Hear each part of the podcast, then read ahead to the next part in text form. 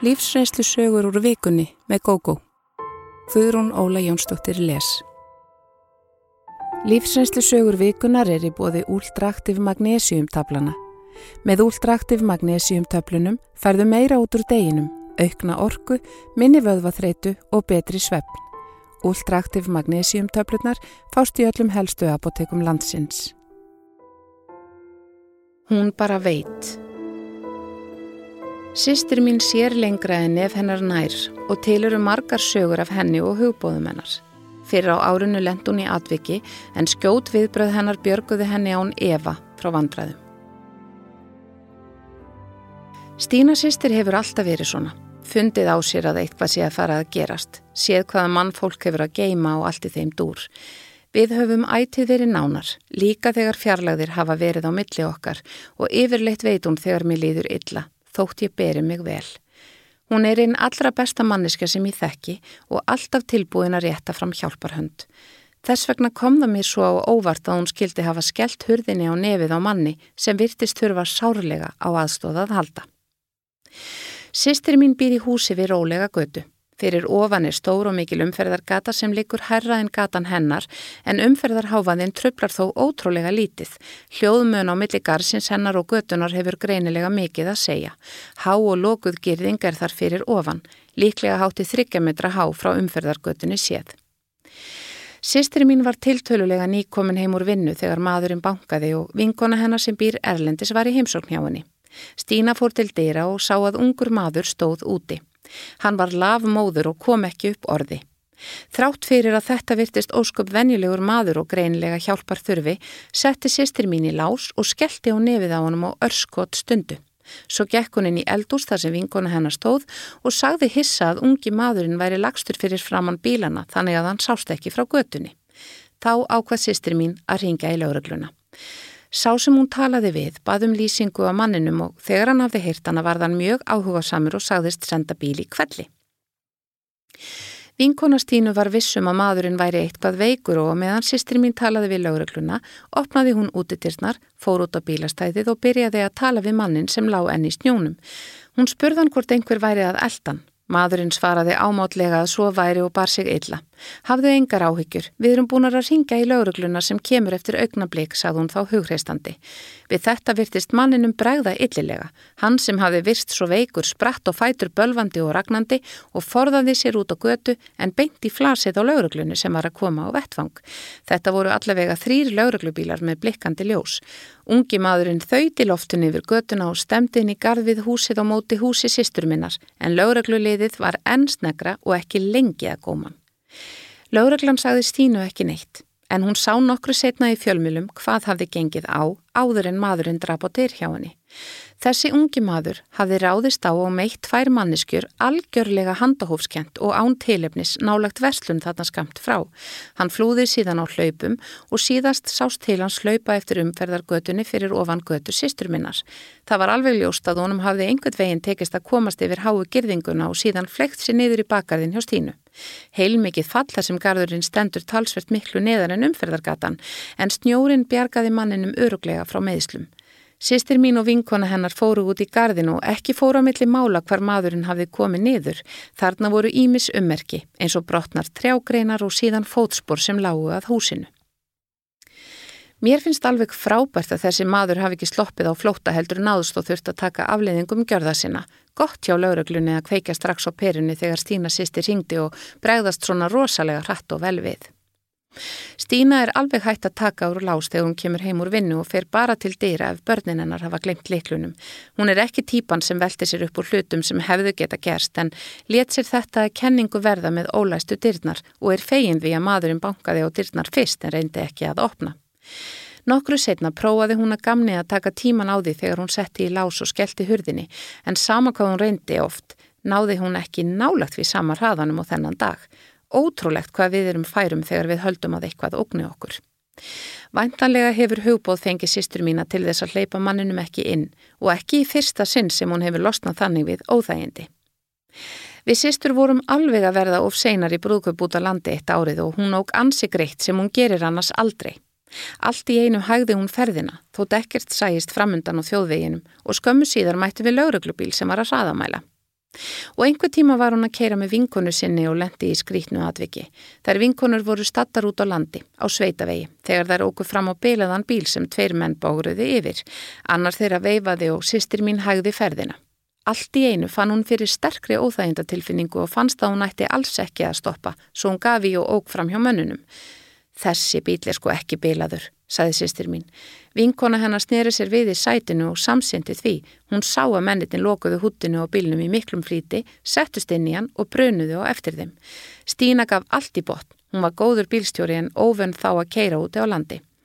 Eftir langar 20 mínútur af veltingaleik hugfæmdist Stínu að aga upp afleggjaraða sveitabæ og þá loksins letu mennitnir á bilaða bílnum sig hverfa. Hún ringdi í laurugluna og komst að því að þetta var ekkert einstæmi. Nokkrir hefðu haft samband vegna þessara manna sem virtust að hafa gert þetta nokkrum sinnum áður en enginn hefði náð númerinn á bílnum, frekar en Stína og vinkona hennar. Eitt sinn starfaði Stína sem reytari í skóla á landsbyðinni. Íþróttahúsi var í nokkuri fjarlag frá skólabyggingunni. Eitt daginn, skömmu eftir hátegi, þegar húsförðurinn, mikið ljúmenni, kom á skrifstofuna til að fá sér kaffi, bað Stínan um að skreppa snöggvast út í íþróttahús og aðtuga hvort allt væri lægi, sjálf kæmist hún ekki frá. Ég var þar fyrir tíu mínútum og ekkert að, saði húsförðurinn hissa en dreif sig samt aftur út í vondaveðrið. Í Íþróttahúsinu hafði staðan heldur betur breyst. Leikfimikennarin, ungkona, stumraði yfir hágrátandi sexóra strák sem hafði meitt sig illa. Síðar komi ljósaðan var fótbrotin. Hinn börnin, hátti 20 talsins úr tveimur yngstu árgöngunum, voru óróleg. Sum hrætt og nokkur farin að gráta, slasaða stráknum til samlætis. Leikfimikennarin var með gemsan sinn á sér en þegar hún ætlaði að grípa til hann sá hún að hann var batterislaus. Hún gati ekki yfirgefið börnin og reyndi að upphugsa leið til að fá aðstóð þegar húsförðurinn komi svo kallaður. Hann sagði henn að Stína hefði sendt sig, hún hefði haft áhyggjur. Þar sem eftirlifði vetrar fekk Stína nokkuð oft spurninguna hvernig gastu vita þetta? Sýsti mín gætt fáu svarað, hún bara vissi að eitthvað var að. Þetta eru aðeins örf á dæmi um hæfileika hennar. Þótt ég telli mig jarbundna og ekki sérlega trúa það á nokkuð yfirnáttúrulegt, tek ég heiklust marka hugbóðunum hennar. Óvænt umbreyting Besta vinkona mín frá barnæsku barðist lengi við offitu. Hún náði stundum að léttast mikið en var ekki lengi að bæta öllum aukakílónum á sig aftur þegar kúrnum lauk. Fyrir nokkrum árum tókst henni að komast í kjörþyngd og haldinni en í leiðinni gjör breytist personuleiki hennar. Gunna hafði byrjað að fytna um 10-11 ára aldurinn eða nokkru áður en við kynntumst. Hún var alltaf glöð og kátt og vinsal eftir því svo mér vitanlega var henni sjaldan eða aldrei stríkt af skólafélagunum. Ef hún lendi í því talaði hún að minnstakosti aldrei um það. Vinótt okkar óksó dapnaði með árunum og við vorum óaðskiljanlegar. Gunna hætti í skóla eftir stútenspróf en ég fór í háskólanám. Við það mingaði samband okkar svo litið en þegar við vorum báðar komnar með fjölskyldu jógst það á nýjanleik. Gunna egnaðist þrjú börn á nokkrum árum og eftir það þriðja var hún orðin verulega feitt. Hún talaði ekkit um það nema óbeint þegar yngsta barni var orðið um árs gamalt. Þá saðist hún ætlaði að fara að reyfa sig meira sem ekkert var þó úr. Ég skipti mér aldrei af holdafari hennar, mér fannst það hennar engamál, vildi frekar stiðjana við að gera eitthvað í málunum ef hún bæði mig um það. Annars hugsaði ég lítið um þetta Hún var alltaf svo brósmild og ljúf, virtist að alls sæl með lífið og tilveruna og því eftir besta vinkonana röflið því hvernig hún liti út. Svo fór Gunna á fullt. Það var valla til sá kúr sem hún prófaði ekki og hún náði oft og tíðum góðum árangri en allt fór í sama farið aftur á skömmum tíma. Hún virtist þó mjög sjálfsörug, sagðist vera ánað með sig sama hvernig hún liti út. Þegar hún færi í megrun tengdist það ekki útlitinu, heldur vildi hún viðhalda góðri hilsu. Hún hafði reynd að komast í maga aðgerð en ekki fengið samþykki eða ekki þórað, hún talaði lítið um þetta. Kanski var hún ekki náðu þung heldur og hún var mjög heilbreyð. Hún virkaði feitar en hún var með svo kallaðan epplisvöxt og stór brjóstin á henni gerðu hana miklu stærri um sig og meðan fæturnir voru langir og frekar grannir. Ég spurði hana aldrei hversu þung hún væri og hún talaði aldrei um það sjálf. Gunna náði góðum árangri í einhvers konar tólspora meðferð en hún kvartaði samt við mig og sagði að sér finnist tala niður til sín þar eins og hún væri eitthvað matar og sætindasjúkt ógeð. Hún hætti á endanum og kílóin fóru að hrúast á hana aftur. Lokk statt hún niður og réttu lausnina eða þá sem læknar og fleiri höfðu bóðað að borða minna og reyfa sér meira. Hún bjóð þá í lauganiskverfinu og á hverjum einasta degi gekk hún með fram sjónum allaleg niður í miðbæ og tilbaka, sama hvernig viðræði. Hún minkaði mataskamtana án þess að gera miklar breytingar á mataræðinu en smám saman tók hún alveg út sigur og fleira til að þetta gengi hraðar, sagði hún. Hún var svo ákveðin, ég hafði aldrei séð hana svona og ég kvart hana óspart eins og allir í kringum hana, ekki síst maðurinn hennar. Stundum kerði ég heim til hennar úr árbænum þar sem ég bjó og gekk síðan með henni. Ef maðurinn hennar var ekki heima eða hún fekk ekki pössun tók hún yngsta batni með en henni fannst þó best að fara án batnana til að geta gengi hraðar. Það tók unnur umt árað verða grönn en áfram hjælt hún og gekk þessa kílometra sína dag hvern. Þegar þau hjónin fóru í ferðalög, bæði innan og utanlands með börnin eða án þeirra, tók unna sína löngu göngutúra. Hún var búin að læra af reynslunni að hún yrði að viðhalda árangreinum. Fljótlega eftir að hún náði kjörþyngd fann ég að hún hafði breyst. Hún var ekki sama gladlinda konan og hún hafði verið. Hún var orðin óþólinnmóð og ansist nokk upp á lægið og stundum hreint og beint dónaleg. Það var eins og hún hefði ekki bara mist kíló, heldur einnig skopskinnið. Hún virtist vera hafin yfir allt og alla. Eins og hún væri lokskomin á þann stað þar sem hún þyrti ekki að sína öðrum tillitsemi. Nú þyrtu aðrir að taka tillit til hennar, eins og það hafi ekki verið gert áður. Hún var alltaf góð við börnin sín. Ekkert breytist þar en á nokkrum árum tókst henn að fæla frá sér eiginmannin sem alla tíð hafði stutt hana í einu og öllu. Hann var sjálfur í nokkrum holdum sem fór í taugarnar á henni og hún let hann heyra það á sífelt andstikilegri hátt. Henni var seinlega orðið illa við feitt fólk og leitt niður á það.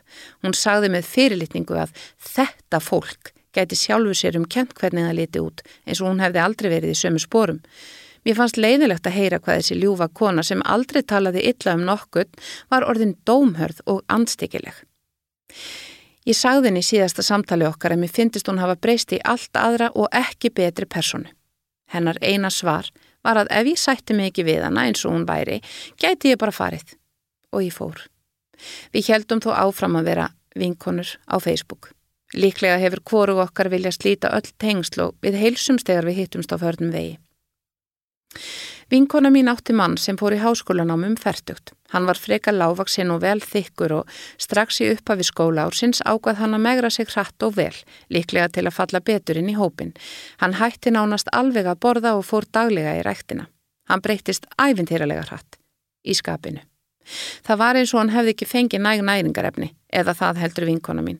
Hún fretti setna að hann hafi verið farin að reyna við miklu yngri skólasistur sínar sem þótti það vist mjög vandraðalegt. Hann varð manískur og verulega skrítin og þegar veturinn var hálnaður yfirgaf hann konu sína og dóttur.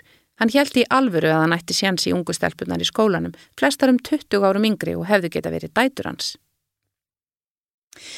Ég veit um fjölda fólk sem hefur grenst án þess að það öðlist nýjan og verri persónuleika í leiðinni en dæmiðum fyrrum eiginmann vinkonum minnar fær mig þó til að íhuga í fúlustu alvöru hvor Gunna hafi sleppti að borða eitthvað bráðun auðsynlegt eins og hann gerði líklega í sínum sveltikur.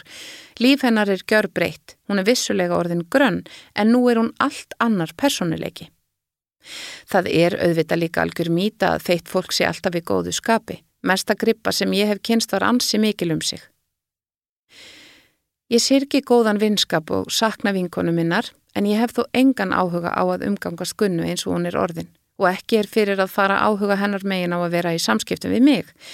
Ef ég væri eina vinkonan sem hún fælti frá sér hefði ég án Eva litið í eigin barm en Gunna hefur ekki bara fælt frá sér eiginmannin og flesta vinina heldur er orðið afarstyrt á milli hennar og sískina hennar. Nýlega hitti ég bróður hennar á förnum vegi.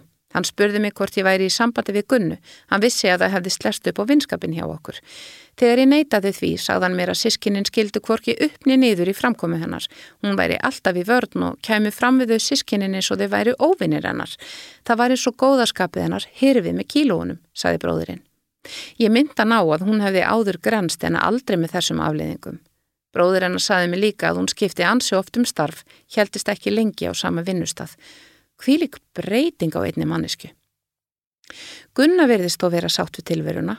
Hún byrtir yðurlega flottar myndir af sér á Facebook og Instagram og nú er hún farin að stunda fjallgöngur en ferðarfélagar hennar í útivistinni eru eina fólki sem ég sé á myndunum fyrir utan börnin. Mér finnst þetta sorglegt. Seint hefði mig grunað að þessi fyrrum hrókur alls fagnaðar yrði vinalös. Kanski var góðaskapi gríman hennar öll þessi ár og blúsandi minnumáttarkend undirlikjandi. Ég veit sannlega ekki hvað er rétt. En kannski er lífina núna nákvæmlega eins hún vil hafa það. Ég óska vinkonu minni alls góðs en vona samt að hún verði að gömlu góðu gunnu aftur. Sú manneska er indisleg og gjör ólík þeirri sem hún er núna. Mamma breyttist við skilnaðinn. Þegar ég var 11 ára skildu fóreldra mínir. Pappi hafði kynst annari konu og kom heim eitt daginn og tilkynnti að hann væri farin. Skiljanlega var þetta mömmu gríðalegt áfall en það var bókstaflega eins og hún klikkaðist. En í dag á ég erfitt með að fyrirgefinni margt af því sem gerðist fyrst eftir það. Fyrstu vikurnar eftir að pappi fór lagðist mamma í rúmið og grét út í eitt. Hún fór ekki vinnuna, hafði ekki til mathand okkur eða gerði nokkuð hlut. Nanna, eldri sýstir mín, reyndi fyrst til að byrja með að halda hlutunum gangandi en hún var bara 16 ára og eftir vissan tíma hafði hún samband við pappa og baðan um hjálp. Hann kom heim til okkar og settist inn í Svefnabergi til mömmu. Við heyrðum gegnum lokaðar dyrnar hvernig yfirildi þeirra stigmagnaðist. Að lokum stóðan upp og öskraði á hana. Þú skalt ekki halda að þú getur kúa mig til að koma aftur með þessu móti. Svo gekk hann út og skellti á eftir sér. Fljótlega eftir þetta fór mamma þó á fætur en það breyti litlu fyrir okkur krakkana. Við tóku dagar þar sem hún lág í símanum og barmaði sér við vinkonu sínar og ömur okkar. Ég hlustaði ofta á hann að segja að vest við þetta allt væri hvað þetta kemi rosalega á óvart. Hjónaband þeirra hefði verið í fínu lægi og hún síst af öllu átt vona á þessu. Mér fannst þetta mjög ljótt af henni því við vissum það vel börnin hennar þrjú að samband hennar og pappa var langt frá því að vera í lægi. Við hlustuðum á heftarlegur yfirildi þeirra og oftar en einu sinni hafði mamma reiki pappa á dyr, sagt honum að hann væri ómögulegur í alla staði, vondur maður og lélegur eigin maður. Einu sinni pakkað hún meira að segja ofan í tösku fyrir hann og sagði hún um að koma aldrei meira heim til okkar. Áður en til skilnaðarins kom hafði pappi verið mikið á ferðalögum. Hann var í verkefni á vegum vinnunar sem krafðist þessa og þegar hann var heima kom hann oft seint heim og var farin snemma á mótnana. Á þessu tímabili spurði ég hann hvort hann ætlaði að fara frá okkur. Hann þagði langa stund en sagði svo, ég fer aldrei frá ykkur, börnunu mínum. Í mínum 11 ára huga þýtti þetta að hann ætlaði ekki að fara af heimilinu, svo ég var mjög sár út í hann þegar hann gerði innmitt það. Í ljósi þessa skildi ég ekki hvernig mamma gætt haldið því fram að skilnaðurinn hafi komið eins og þrjum ár heiðskýru lofti. Hins vegar finnst mér skiljanlegt að þegar þráðurinn slitnaði loks alveg hafið að verið erfitt. Mamma mín átti erfiða æsku. Fóreldrar hennar voru bæði alkoholistar og oft gekk mikið á.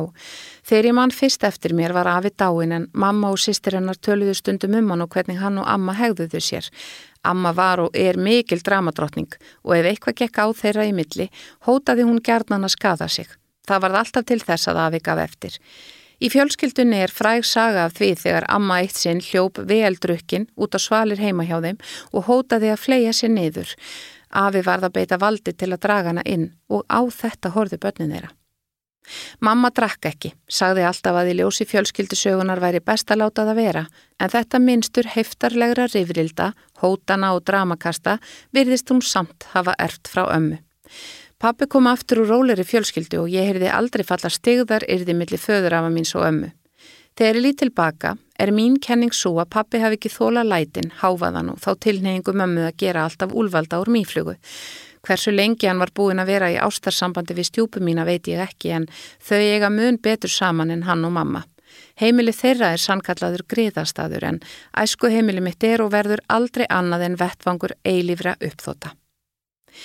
Skömmu eftir að mamma stóð upp úr rúminu fór hún að fara út að skemta sér með vinkonum sínum og að drekka í fyrsta skipti á æfinni. Hún skráði sér líka á Tinder og fór á hvert stefnumótið og fætur öðru. Það var eins og allt gengi út á að sína pappa að hún geti líka náð sér í annan maka. Mér fannst þetta mjög óþægilegt, engum þegar hún kom með þess að karla heim og vildi kynna þá fyrir okkur. Ég var feimið barnað eðlisfari og fannst þetta allt mjög vandraðalegt. Það má eiginlega segja að ég hafi skammast mín óstjórnlega fyrir mömmu og ég gerði allt hvað ég gat til að leina hegðun hennar. Á sama tíma fórum við reglulega til pappa sem hafði flutt inn til stjúpuminnar og það ríkti mikil hamingja. Ég gati ekki glaðst yfir því og fundist ég komin í öruga höpp þegar ég var hjá þeim. Þvert á móti var ég eiginlega reyð við þau yfir að vera svona ánæg þegar allt var í rúst hjá okkur. Versta uppákoman var sumarið eftir skilnaðin. Mamma skipaði pappa að borga utalandsferð fyrir okkur öll. Sagði að hann hefði eðilagt nóg, skadað okkur það mikið að sangjant væri að hann borgaði. Pappi gerði það. Hvort sem saminskupitriði eða það að hann eftir ekki rífast við hana veit ég ekki. En hvað sem því leið voru þessar þrjár vikur á spáni mín versta martruð í lífinu. Mamma var ákveðin í að skemta sér. Það átt að vera svo gaman. Þess vegna hengdi hún sig á nönnu sýstur. Hún var nýjörðin 17 þegar þetta var og stór glæsileg stúlka. Hópur úlinga tók sér fljótlega saman eftir að útkom og Nanna var meðal þeirra fremstu í þeim flokki. Þau hengu við sundlegin og daginn og fóru saman á diskotek og klúpa á kvöldin. Mamma eldi þau um allt, drakk með þeim og letin svo smástelpa. Fyrst fannst nönnu þetta bara cool vegna þess að mamma gætt tæplega gert aðtöðasemdir við að hún drikki þegar hún gerði sjálf það sama og var með þeim öllum stundum. Svo fór gaman eða kárna og sýstir mín skammaði sín jafn mikið og ég fyrir fullum ömmu okkar sem eldi úlingahópinum allt. Meðan á þessu stóð sá ég einum yngri bróður minn, nýju ára. Ég sá til þess að hann fengið að borða og bæri á sig sólarvörn og fengið hrein fött. Íslensk hjón sem voru þarna með tvö börn tóku vel eftir ástandinu og böðu okkur oft með sér að borða og tóku okkur tvísvar með sér í ferðir og barndvæna staði í nágrenninu. Ég skinjaði vel að þau vorkendu okkur en var þeim þakklátt. Þessar stundir með þeim voru dásamleg kvíld frá mömmu og vittlesunni í kringum hana. Það var eftir eina þessara ferða að ég og bróðir minn vöknuðum að værum blundi um miðjanótt við hróp og köll úti við sundlegina. Nanna! Nanna! Nanna! Það var mamma sem var að kalla.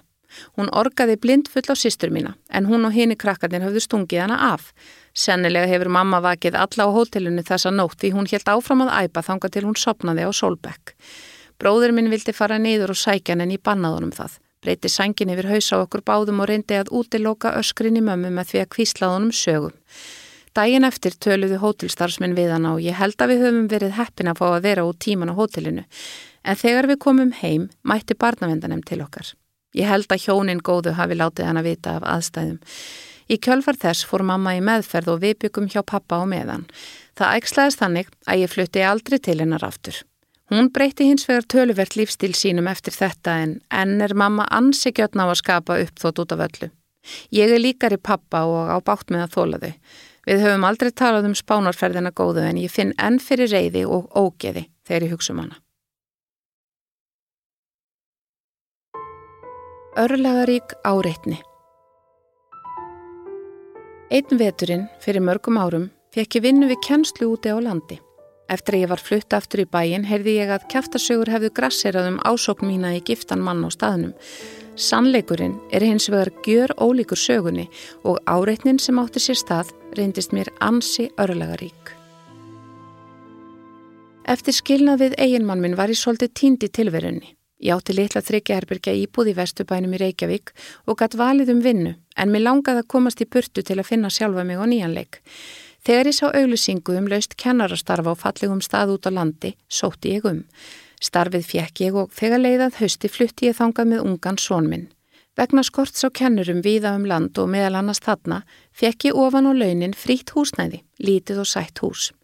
Mér fannst ég heiminn höndum hafa tekið og sá fyrir mér að þarna myndi ég búa næstu árin og jafnveg lengur. Ég legði út íbúðuna mína í Reykjavík því ég vildi ekki brenna allar brýra baki mér með því að selja hana. Mikið félagslíf var á staðnum og ég gekk bæði í leikfélagið og fór að syngja með kirkjukornum. Mér var vel tekið en ég fann samt fyrir varkárni sumra. Mér fannst eins og tvær þrjár konur væru hrættar við þessa fráskildu konu sem gæti tekið mennina þeirra frá þeim en ég hef aldrei verið spennt fyrir giftu mönnum og vonaði að tímin leiti það í ljós. Stundum ískileg daður sem elskuleg heit og þegar maður sem ég kýsa kalla Sigurð fór að sína mér mikla aðtegli fannst mér hann bara indætlins og aðrir á staðnum, hress og almennilegur. Hann bjó á Sveitabæ, ekki svo langt frá þorpinu og söngi kirkjukortum með mér. Eftir örfáur vikur fór mér þó að finnast áhugi hans óþægilegur og áttaði mig á því að hann var reynd ekkert elskulegur, heldur fyrst og fremst uppóþrengjandi. Þessi harðgifti maður fór að ringja í mig í tíma og ótíma til að spjalla en var sífælt nærgöngulli í orðum og talaði eins og við værum náinn. Ég let þetta yfir mig ganga. Ég var ný á staðnum og vildi vera almennileg við alla svo ég notaði kvíta líi til að losta við Sigurðu símanum. Einnig til að varna því að hann heimsækti mig sem hann sóti fast og sagðunum kannski að sonur minn væri sopnaður og svæfi laust, eitthvað slíkt. Eftir á að higgja tókan við líklega þannig að ég hefði verið til í að fá hann í heimsókn ef ekki væri fyrir drengin. Ég var alveg ráðalus, kunni ekkert á svona kalla og það nýtti sigurðu sér. Á kóravingunum var hann flýrulegur og reyndi að snerta mig við hvert tækifæri en ég varð fljótlega snillingur í að forðast hann. Hlammaði mér á milli einhverja kórfélaga í pásum svo hann kæmist ekki nálagt mér. Ég var svo rekklus á þessum tíma og alveg öruglega meðvirk án þess að átta mig á því. Eitt kvöldið, fljótlega eftir kvöldmatt, ringdi Sigurður og baði mig að skuttla sér eitthvað. Sýstir mín var í heimsókn hjá mér og heyrði mig samþykja það og síðan hrilla mig eftir símtalið. Hún sagði það vera skrítið að maður sem þekkti hvern einasta kæft á staðnum ringdi í nýju kennslukonuna til að fá skull. Ég tók undir það en þar sem ég hafði lofað honum þessu dreifi mig af stað en tók sónin og unga sýsturdóttur mína með. Sigurður var hissa þegar hann sá börnin, hann vissi af sýstu mín í heimsóknin hafði greinilega búist við að ég kemi einn. Þrátt fyrir börnin í aftursætinu let Sigurði til skara skrýða eftir smástund og fór að káfa á mér. Ég snöggreitist, fann útskott þar sem ég stoppaði og sagði Sigurði að fara út úr bílnum. Þetta væri ekki það sem ég vildi. Ég talaði rólega til að hræði ekki börnin.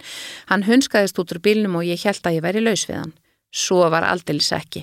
Hann sagði mér næst þegar hann syngdi að hann elskaði svona erfiðar konur. Ég kendi sjálfur mér um þetta. Ég hliti að senda frá mér einhverja ströyma um áhuga þótt að væri sannlega ekki ætlunin. Ég vissi ekki hvað ég geti tekið til ráðs og gætt fá að tala við um þetta. Sistir mín rálaði mér að láta hann heyra það og hóta kæran ef hann leti ekki friði. En ég treysti mér ekki til þess. Eini lauruglumadurinn á staðunum var máur sigurðar og ég þóttist vissum að ég fengi enga hjálp þaðan. Ég hafði samt á tilfinningunni að flestir í bænum vissu hvernig sigurður væri en kísu að horfa framhjá því. Skömmu fyrir jól kynntist ég manni úr Reykjavík og við fórum að vera saman. Við skiptumst á að heimsækja hvort annað flestar helgar en virku dagana unnum við hvort í sínum landsfjörðingi. Ég sáð honum ekki frá áreitni Sigurðar því ég skammaðis mín eins og þetta væri mér að kenna. Fólkið á staðnum sá fljótt hvað var í gangi hjá mér og væntanlega Sigurður líka. Samt saðan við mig í síma að ég væri bara að reyna að gera hann afbreyði saman. Ég hló fyrður lostin og baða hann að hætti þessari vitlisu en kunni ég ekkert á hann eða svona framkomu eins og hann síndi mér. Ég hafði þó hert upp hugan og beðið hann um að hætta að ringi mig. Ég hefði engan áhuga og ætti kærasta. Ég er engin gufa en á þessum tíma var ég enna jafna mig eftir erfitt hjónaband og mikið andlegt ofbeldi. Sjálfströstið var lítið og ég let flest hefði mig ganga til að halda friðin, eins og ég hafði gert í hjónabandinu. Nýji kærastinn var ansi sætur og sjarmirandi og kunni sannlega listin að vefja mér um fingur sér. Í páskafríinu baðan mín og saðist þrá heitast af öllu að ég hætti að vinna í þessu krummaskuði og flytti til hans. Eftir nokkra eftirgangsmunni samþykti ég það. Vissulega var ég bálskotin í honum en að flytja svona fljótt til hans var kvatvísi og ekki líkt mér. Einan ás frá því við kynntumst fyrst voru við gift. Ég hefði betur hlustað á aðverunar bjöllnar sem klingdu í sífellu í höfði mínu. Ég held bara að ég væri svona hrætt við breytingar og skammaði sjálfa mig fyrir það.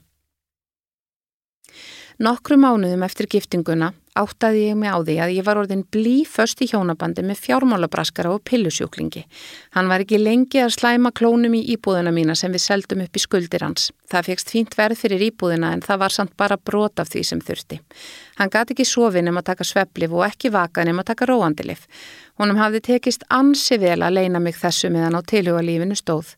Flotta íbúðin hans reyndist vera leigu íbúð sem hann hafði valla efni á að borga fyrir og starfið góða hjekk á bláþræði. Hann var sem sagt framkvæmdastjóri í eigin fyrirtæki sem rúlaði á hausin nokkrum vikum eftir brúðkaupið. Hann mátti teljast heppin að hafi ekki lendi fangilsi fyrir bókaldi sem var vist mjög skrautlegt. Í meðvirknu minni skrifaði ég undir alls konar skuldbreytingar til að bjarga húsegnum ættingi hans. Hann kallaði þetta tímabundið vesen. Hann ætti svo mikið útistandandi, við erum komin í gegnum þetta eftir tvö ár. Það tegðist á þessum tveimur árum í að við kemumst í höfn fjáraslega. Ástandi versnaði bara. Hann var í einhvers konar óskikju hliðar veruleika og trúði greinilega eiginlegum sem gerði hann meira sannferandi. Við eignuðumst saman dóttur sem gerði mig bundnar í honum en eftir um sex ár var ég búin að fá meira en nóg. Eftir skilnaðin var ég algjörlega eignalös og þurfti að byrja upp á nýtt en mörgum árum setna hef ég ekki geta keft mér íbúð, heldur er á hinnum skjálfilega leikumarkaði. Ég á í litlum samskiptum við hann þótt við eigum saman barn. Hann fann sér fljótlega aðra konu og dóttur okkar var það eiginlega fyrfirandi dóttur hans eftir að hann og svo nýja fjölguðu mannkininu. Löngu, löngu síðar áttaði ég mig á því að ég fór svona sattinn í sambandi við setni eiginmannin til að losna við Sigurð og áreitni hans Maðurinn kom nánast eins og kallaður á erfiðum tíma en ég fór heldur betur úr öskunni í eldin. Í dag, þegar sjálfströstið er komið og MeToo-byltingin hefur haft sín áhrif, myndi ég ekki heika við að kæra sigur fyrir áreitnina. Það þýðir þó ekki að síta neitt. Ég græti dásamlega dóttur á þessu öllu saman og lærði þá mikilvægu leksíu að ana ekki hugsunna laust út í sambúð eða hjónaband sama hversu maðurinn er sætur eða skemmtilegur. Ég er hafmyggjusum kona í dag orðin svo miklu sterkari en áður og nýt þess mest af öllu að vera með batnabötnunum en bæði bötnin mín gerði mig að ömmu í fyrra. Ég á góðan vin sem ég hitti reglulega en hvorugt okkar er sérlega spennt fyrir sambúð. Lífið gæti ekki verið betra. Á síðasta snúningi Lífið var svo litið tómlegt eftir skilna við mannin minn til 15 ára. Sónur okkar kaus að verða eftir hjá pappa sínum en var afar döglegur að heimsækja mig. Ég var alveg opinn fyrir nýju sambandi en að finna góðan mann til að vera lífinu með reyndist ekki auðvelt. Þegar liðin voru tæp tvö ár frá skilnaðinum kynntist ég Gunnari. Ég var þá úti á lífinu með vinkonu minni. Hann virtist fýtt náungi, svo liti feimin og hlétrægur sem ég fannst sjarmirandi. Við spjöldluðum mikið saman og í lokvöld spaðan um símanúmeri mitt sem var sjálfsagt að gefa en það var ég svo litið spennt fyrir honum. Hann ringdi strax daginn eftir og vildi hitta mig á kaffihúsi. Ég varð fljótlega þræl skotin í honum og við vörðum miklum tíma saman heima hjá mér. Hann hafði búið í kallara íbúð í húsi fóreldra sinna og var mjög náinn þeim. Hann vann sem deildarstjóri hjá Opinberri stopnun. Ekki leið á löngu þar til Gunnar bauð mér með sér í heimsók til fóreldra sinna. Þá hafði samband okkar staðið í rúman mánuð. Ég var alveg til í það og eitt kvöldi fórum við þangað. Kvöldið var vægast sagt skrítið. Okkur var ekki bóðið upp á neitt, þótt við stoppuðum í rúma tvo tíma, ekki eitt vasklas og aðeins var talað um áhugamál Gunnars og einhvern kirkjubassa sem mamman sætlaði að baka fyrir. Gunnar sapnaði mynd og frímerkjum og var líka sérlegur áhugamaður um setni heimstyrjöldina eins og pappans. Engin tilraun var gerð til að kynast mér og Gunnar bjó greinilega ekki yfir nægri félagslegri færni til að átta sig á því hvað þetta voru dónalegar mótökur. Ég reyndi í fyrstu að taka þátt í samræðunum og því var tekið kurtislega en af litlum áhuga. Ég prófaði þá að þeia alveg til að aðtuga hvort það virkaði en enginn tók eftir því. Ég var þeirri stund fegnust þegar við fórum. Líf fóreldrana snerist greinilega að mestu í kringum Gunnar, enga batnið. Ég hugsaði með mér að þau hlitu að skána við frekari kynni. Ímsir taktar Gunnars myndu á fóreldra hans og ég fann þarna að í fyrsta sinn var ég ekki vafa um þetta samband. Ég ákvæmi sjálfur mér að hæja ferðina svo litið, gera eitthvað annað en að vera bara með Gunnari, eins og hafði verið þessar fyrstu vikur. Eitt og því var til dæmis að fara með vinkonu mínum í sömarbústaði vir helgi. Ég hafði sagt þeim að ég tímdi hreinlega ekki að vera án Gunnars heila helgi, en nú var ég ákveðin í að fara. Nokkrum dögum setna saði honum frá því. Viðbröðin komu mér á óvart. Það dimdi yfir honum og hann sagði að hann hefði hlakka til að verja með mér helginni. Það koma fleiri helgar, saði ég létti bræði. Já, vonandi, svaraðan. Svo var eins og hann áttaði sig og saðist vona að ég skemmti mér vel með stelpunum. Helgin með vinkonu mínum var frábær. Þær voru forvitnan um Gunnar, hafðu vissulega hittan en þekktan lítið. Ég gati ekki stilt mig um að segja þeim frá undarlegu heimsókninni til skrítnu foreldra hans, þá var ég farin að sjá fyndnunliðarnar á henni. Næstu viku liðu og ég var á bleika skíinu. Gunnar flutti fljótlega alveg til mín sem var eðlilegt, hann var hvortið er alltaf hjá mér. Honum og sinni mínum, 12 ára, kom ágætlega saman en það var samt eins og Gunnar vildi halda fjarlæð á millið þeirra. Þegar stráksi var hjá mér yfir helgi heimsótti Gunnar fóreldra sína mun oftar en ella. Mér skildist á Gunnari að þeim litist ljómandi vel á mig. Við buðum þeim í mateitt kvöldið og þau mættu sem Gunnar saði ólíkt þeim því þau væri svo heimakær. Þau höfðu ekki bóðið okkur saman í mat. Mamman saðist ekki kunna að búa til fínan mat. Venjulegur íslenskur matur væri alveg nógu góður ofan í þau hjónin. Þau fengu nú bara lampalegri hjá okkur og voru sjálf oft með læri eða ryggum helgar. Ekki það að mér langaði sérstaklega í mat til þeirra. Þetta var bara eitthvað svo lýsandi fyrir þau. Það var lítið plási lífið þeirra, fyrir nokkurn annan en sonin. Við Gunnar fórum sífelt sjálfnar út að borða og nánast aldrei saman í heimsóknir til vina minna eða ættingja. Sjálfur átti hann enga nána vini og var ekki sambandi við neina ættingja nema foreldrana. Ég fann hvað honum þótti miklu betra að vera heima og reynlega kvaldist ef mér tókst að draga hann með mér eitthvað. Okkur leið mjög vel saman en það varð samt leiðingjant að umgangast nánast bara hann og vinnufélagana. Það var margt gott hægt að segja um Gunnar. Hann var tryggur, tillitsamur og ólatur við húsverk en það pyrraði mig hvað hann reyndi að breyta mér. Til dæmis þóldan ekki hástemt lýsingarorð sem ég notaði stundum og reyndi að fá mig til að hætta því. Hann reyndi líka mikið að breyta bókmyndasmekk mínum í áttað eigin smekk. Ég er nánast aðlæta á bækur, les fagurbókmyndir, ljóð og krimma í öfnum höndum og stundum ástasögur en þroskandi og mannbætandi bókunum sem hann hreifst svo af hafði ég ekki smekk fyrir, með döðleiðast sjálfsagtar bækur. Ekki gæti ég heldur skemmt mér yfir því að skoða fágætt frímerki og forna mynd eða horfa á bíómyndur um setni heimsturöldina. Ég síndi áhugamálum hans skilning og virðingu en hann reyndi að þröngva þeim upp á mig og nánast gera lítið úr mínum. Með tímanum fóru tilfinningar mínar að sveiplast mikið. Stundum var ég ástfangin af honum og stundum fór hann í töðanar á mér. Ég vissi hreinlega ekki hvað ég vildi. Svo kom Gunnar með óvænt útspil og þá áttaði ég mig. Hann bað mín, svona óbeint, sagði að við ættum að drífa í að gifta okkur. Þá höfðum við verið saman í rúma sex mánuði. Hann var ekki með ring eða blóm eða nokkuð slíkt sem betur fer en greinilega búin að undirbúa sig vel.